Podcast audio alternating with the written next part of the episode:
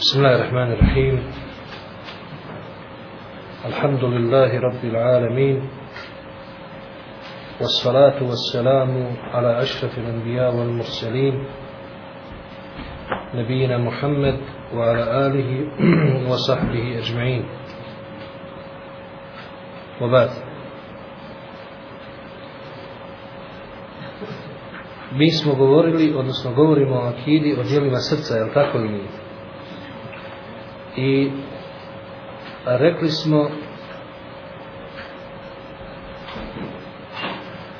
da je srce najvažniji ljudski organ kao što poslanik sallallahu alejhi ve selleme je i rekao ela inna fil jasadi mudga idha salaha salaha al jasadu kulluhu u istinu u ljudskom tijelu ima jedan komad mesa kako to poslanik sallallahu bukvalno kaže jedan organ koji ako je dobar i cijelo tijelo je dobro a ako je loš sve ostalo je loše, znači tada i ruka i noga i oko i ostalo sve je loše.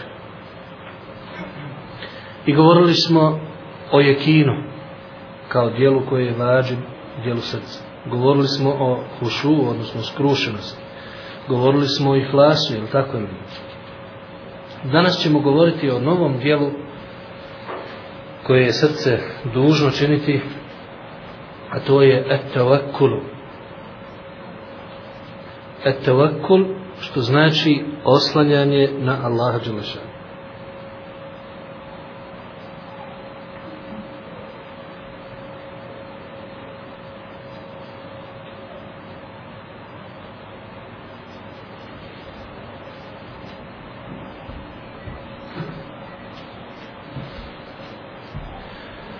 Šta je to tevekul?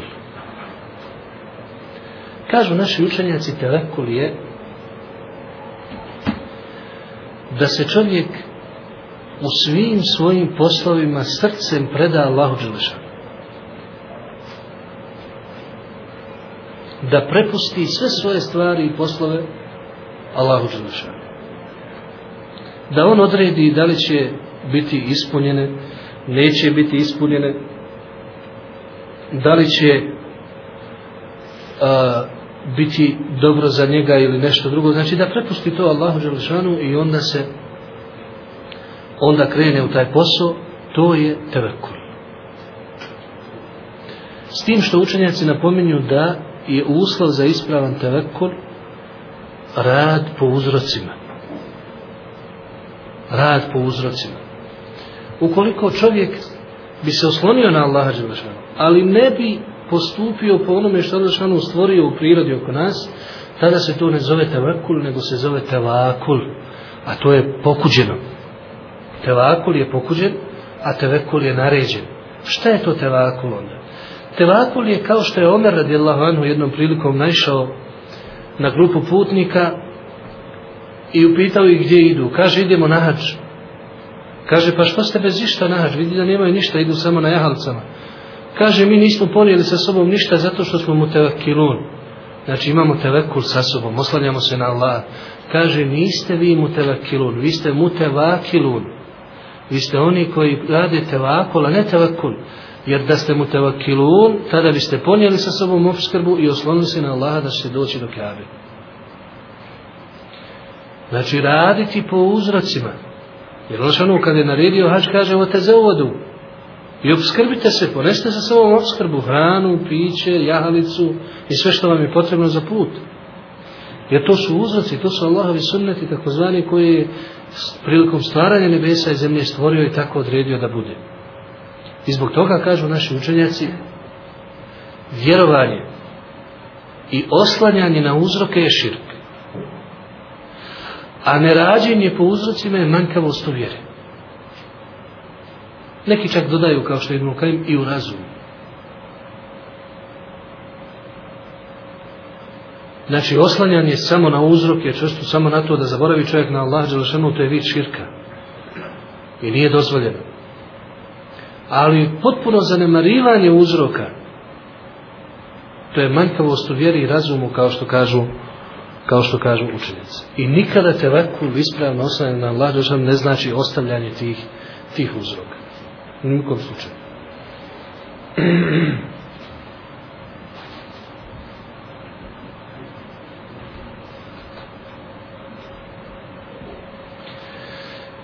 Interesantno za tevekul je nešto sljedeće.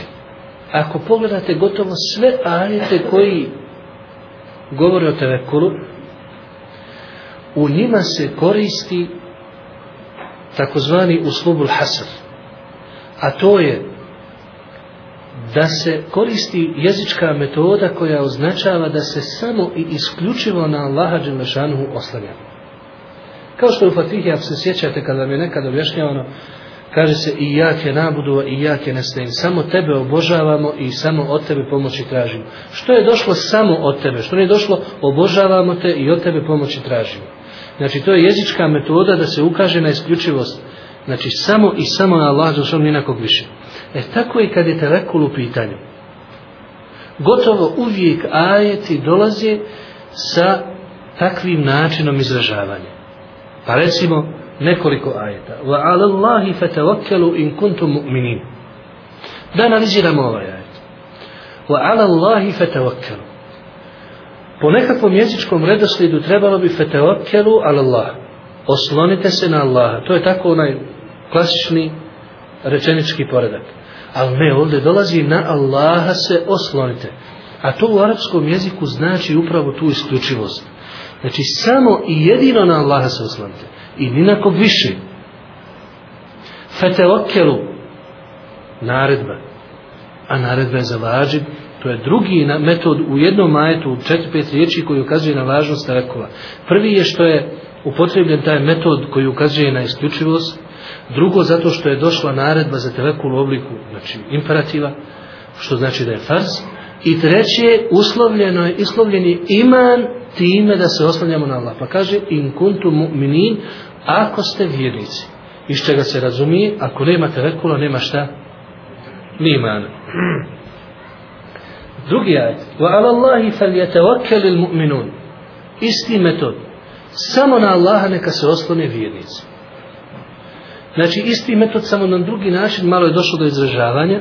Opet se koristi taj metod isključivosti, potom dolazi naredba fel je tevokel, samo drugi oblik imperativa. Potom el mu'minun pozivaju se svojim imanom da se osloni na to. Ponovo se sve tri stvari povezuju. Vidite, u drugom majetu sve tri te metode se ponavljaju ponovo. Dalje u sljedećem metodu Šanu kaže Omen je tevakjal ala Allahi fahuva hasbuhu ko se na Allaha osloni on mu je dovoljen fehu hasbu znači on mu je dovoljen neće mu trebati niko drugi osim Allaha dželešan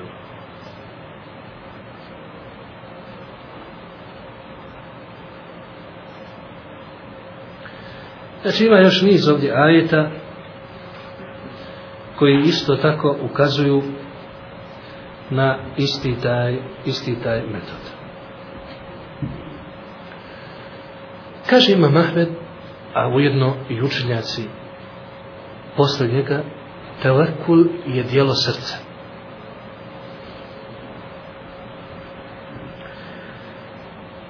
I ima nekoliko stepeni telekula, zato napišite sad stepeni telekula.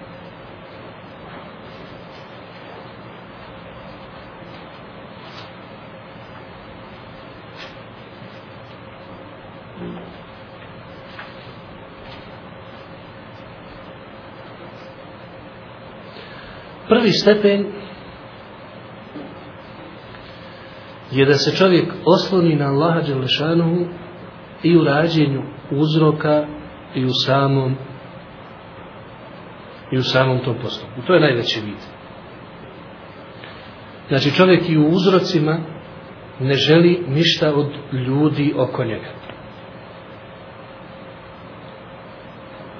Zato se prenosi da je poslanik sallallahu alaihi wa sallam od nekolicine ashaba uzeo prisegu i oporučio im posebnu oporuku da od ljudi ništa ne traži. Među njima su bili desetorice obradovanih džernetov. Zato se prenosio Debu Bekra da kad bi mu štap ispao, a on na devi. A na devu se nije lahko popiti, ona se mora spustiti, pa popne se gore, pa je ponovo teško spustiti. Ali kad bi mu štap ispao, ne bi nikom rekao dohvati mi ga. Nego bi siđi i sam bi ga uzmio. A dozvoljeno je reći, nema smetje, ne smeta tevekulu da kažeš da mi dohvati šta. Je to smeta nešto tevekulu? Ne smeta. Ali ovdje se dolazi do tolikog stepena, znači da i uzrocima koji inače dozvoljeno ne želi. Isto tako poslanik sa sredom kaže 70.000 ljudi će od ovog umeta ući u džernet bez polaganja računa. Koji su to? oni koji ne koriste kauterizaciju kao lijek. Šta je kauterizacija? To ti je korištenje vatre ili usijanih predmeta za lijek. Recimo prije kada dođu rane ili nešto slično, na koji način su to rješavali? Zagriju željezo ili neki metal i to zagrijano, usijano, usija, usijani metal stave na tu ranu i na taj način spriječe zatrovanje. Razumijete to? To je kauterizacija ili kej koji se spominje. Poslije se nam kaže da će ući u džennet bez polaganja računa. Oni koji ne budu to koristili kao lijek. Kažu, lema, to je dozvoljeno, ali ovdje se to izbjegava. Koji ne budu tražili od drugih da im uče ruke. Znači da ne idu od jednog do drugog čovjeka i kaže da mi prouči ruke, da mi ovo, da Dozvoljeno je to. Ali ovdje se potencira to da se ti uzroci ostavi. Kada, su, kada je u pitanju traženje od drugih ljudi, Ali sam sebi ako provuči ruku ili slično, to ne smeta da čovjek bude na ovom stepenu. Razumijete to? I treće koji nisu suje vjerni. Nas i na svoga gospodara se oslanjaju. Kažu učenjaci, na svoga gospodara se oslanjaju, to jest imaju ovaj telekul. To sadrži sve ovo troje, samo što je na kraju to sažeto u jednom. Molim? Molim? znači da se osloni na Allah Đelešanu i u vezi sa rezultatom dijela i u vezi sa uzrocima znači ne žele od ljudi ni uzroke iako je dozvoljeno rekli smo i sad dolazi drugi stepen a to je da se osloni na Allah Đelešanu u rezultatima ali da u vezi sa uzrocima potpomažu se sa drugim ljudima šta to znači upravo ovo što smo rekli Znači, nije zabranjeno čovjeku da ode nekom da mi kaže da mi prouči ruke, evo čovjek bolestan. Ili evo ja sam bolestan, da mi prouči ruke. Je to haram? Nije. Ali, nije baš onaj najpotpuniji stepen koji je mustehan, poželjen. Ali ima osnovu, vađib, tevekula ima. Ne smijete to. Razumijete to?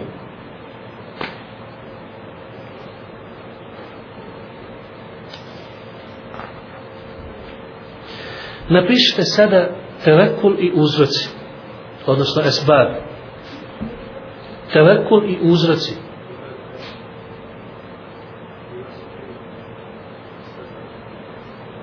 Za tevekul tri stepena smo rekli. Ja mislim da smo dva rekli. Jeste vi zapisali dva? A rekao sam tri. Izvište treći, dva. To je bio lapsus.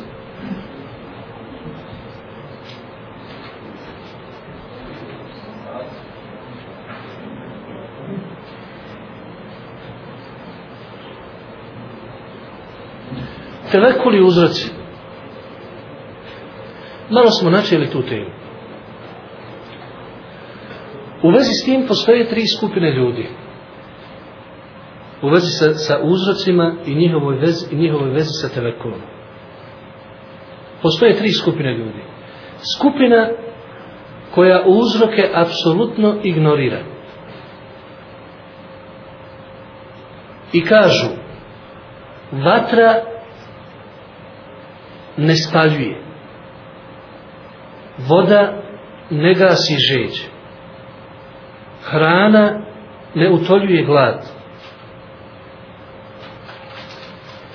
Možda ne razumijete i teško je razumijeti, ali tako kažu. Šta oni hoće da kažu?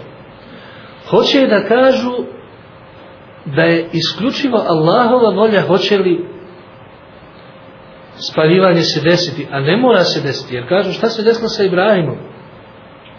Sa Ibrahimom se desilo da ga vatra nije spalila, iako je bio bačen u vatru. Znači, za njih uzroci ne postoje i oni ih ne smatraju uopšte, ignoriraju ih, a ovo šta je ovo što mi doživljavamo to, kažu to je samo sve relativno, privid, neki kažu privid, neki kažu relativno. Dosta filozofa koji su sufijski orijentirani zastupaju ovu metodu, odnosno ovu teoriju. Ona je naravno neispravna. Druga skupina su oni koji pretjeruju u vezi sa uzrocima. I kažu uzroci su sve i sve. Ne može biti drugačije. A vatra spaljuje i ne može se desiti drugačije. Voda je ta koja gasiš i tako dalje i tako dalje. Znači oni pretjeruju, zaboravljaju da, da postoji neko koje je stvorio te uzroke i koje je moćan da tim uzrocima oduzme dejstvo. Je tako li? Ali ne, oni kažu, jer i obično su to ljudi čiji iman nije baš nešto Bog zna veliki i pohvaljen i zbog toga interesantno je da u islamskim sektama i grupama ne postoji sekta koja eksplicite zastupa to mišljenje. Razumijete to? Bilo je pretjerivanje u ovom smjeru, znači da se oduzme tim e, uzrocima dejstvo i tako dalje. Ali u ovom smjeru nije bilo. Ali ima ljudi, znači pogotovo danas u našem materialističko doba, kada ljudi gledaju na uzroke da su jedan kroz jedan sve. I treća skupina koja je ispravna, koju Islam zastupa, a to je sljedeće. Da uzroci postoje, da ih je Allah stvorio, da smo po njima dužni postupati, ali nisu samostalni u svom dejstvu. Šta znači nisu samostalni? Znači, djeluju samo onoliko koliko im je Allah odredio, a može se desiti da im oduzme dejstvo kao što je bio slučaj sa Ibrahimom Alisa. Bačeni u vatru, po nekakvim našim ovaj, mjerilima trebala bi da ga spali, ali nije ga spalila. Nego je bila hladna i spasonosna za Ibrahima, je tako ili? Ali to je bila božanska intervencija. I ne možemo to učiniti pravilom, zato što je to izuzetak. I zato kažu naši učenjaci. Mi postupamo po uzrocima za koje znamo na dva načina. Sad postavlja se pitanje dalje kako da mi znamo da je nešto uzrok nečemu? Razumijete li me sad? Napišite novi sad kao neki podnaslov nešto. Gdje nam je mjerilo da je nešto uzrok nečemu? Kažu učenjaci imamo dva mjerila. Da raspoznajemo da li su uzroci ispravni ili ne. Prvo mjerilo je ljudska praksa. Šta to znači? Znači ljudi nešto isprobaju i vide da je to uzrok nečemu. Razumijete to? Uzmite na primjer lijekove. Uzmu ljudi pa ispitivaju ovdje, pa ispitivaju tamo, pa spoj ovaj, spoj onaj i na kraju dobiju lijek, kaže ovo je za glavu. Kako znaju da je za glavu? Znaju zato što su isprobali. Jel tako ili nije? Ili kako znaju da je recimo ovo za bubrege, a nije za recimo žuč ili ne znam nešto. Znaju zato što su isprobali. Znači ljudska praksa pokazuje nam da, da je to neke, neke stvari u toj ljudskoj praksi su urođene u čovjeku. Kako, na primjer, svi znaju da kad je gladan da treba šta jesti, kad je žedan da treba piti. To je urođeno u čovjeku, ne razmišlja se, ali u principu to je to je isto tako proces koji je ta, ta ljudska, ljudska isprobavanja koja, koja dolaze. Znači, to je jedan način da ljudi nešto isprobaju i svojim čulima dokuče da je to u istinu tako. Jel u redu to? Koji je drugi način? Drugi način je objava. Da se objavom objavi da je nešto sebeb nečemu. Naprimjer, mi objavom znamo da je Kur'an lijek. Znači, objavljeno i kaže se fihi šifali nas. Lijek za ljude. I znamo ako učimo rukiju, da rukija liječi. Ne bismo znali da nije objave, je li tako ili nije? Znači, objavom neke stvari znamo. Ovo, mož, ovo vam je veoma važno, naročito kad je u pitanju sujevjerje i naročito kad su u pitanju lažne ruke i lažni način liječenja. Zašto? Zato što kad vam dođe neko i hoće saljevat stravu. Na primjer, da li su to ljudi svojom praksom mogli potvrditi da to stvarno tako djeluje? Nisu mogli. Jel tako li nije? Da li je objava to potvrdila? Nije. Nije znači ispada iz ova dva, trećeg nema, što znači da treba toga šta da se kloni. Da u najmanju ruku nešto ima problematično tu, da nije u vezi sa džinima, da nije u vezi sa šitanima, ili je to uopšte nešto prazno, isprazno, laž i ništa više. Jel razumijete to? Znači, odmah bilo šta što ljudi, recimo ovo sad, šta ja znam, magnetizam nekakve, nekakve stvari koje se dešavaju putem telefona, liječenje i tako dalje i to.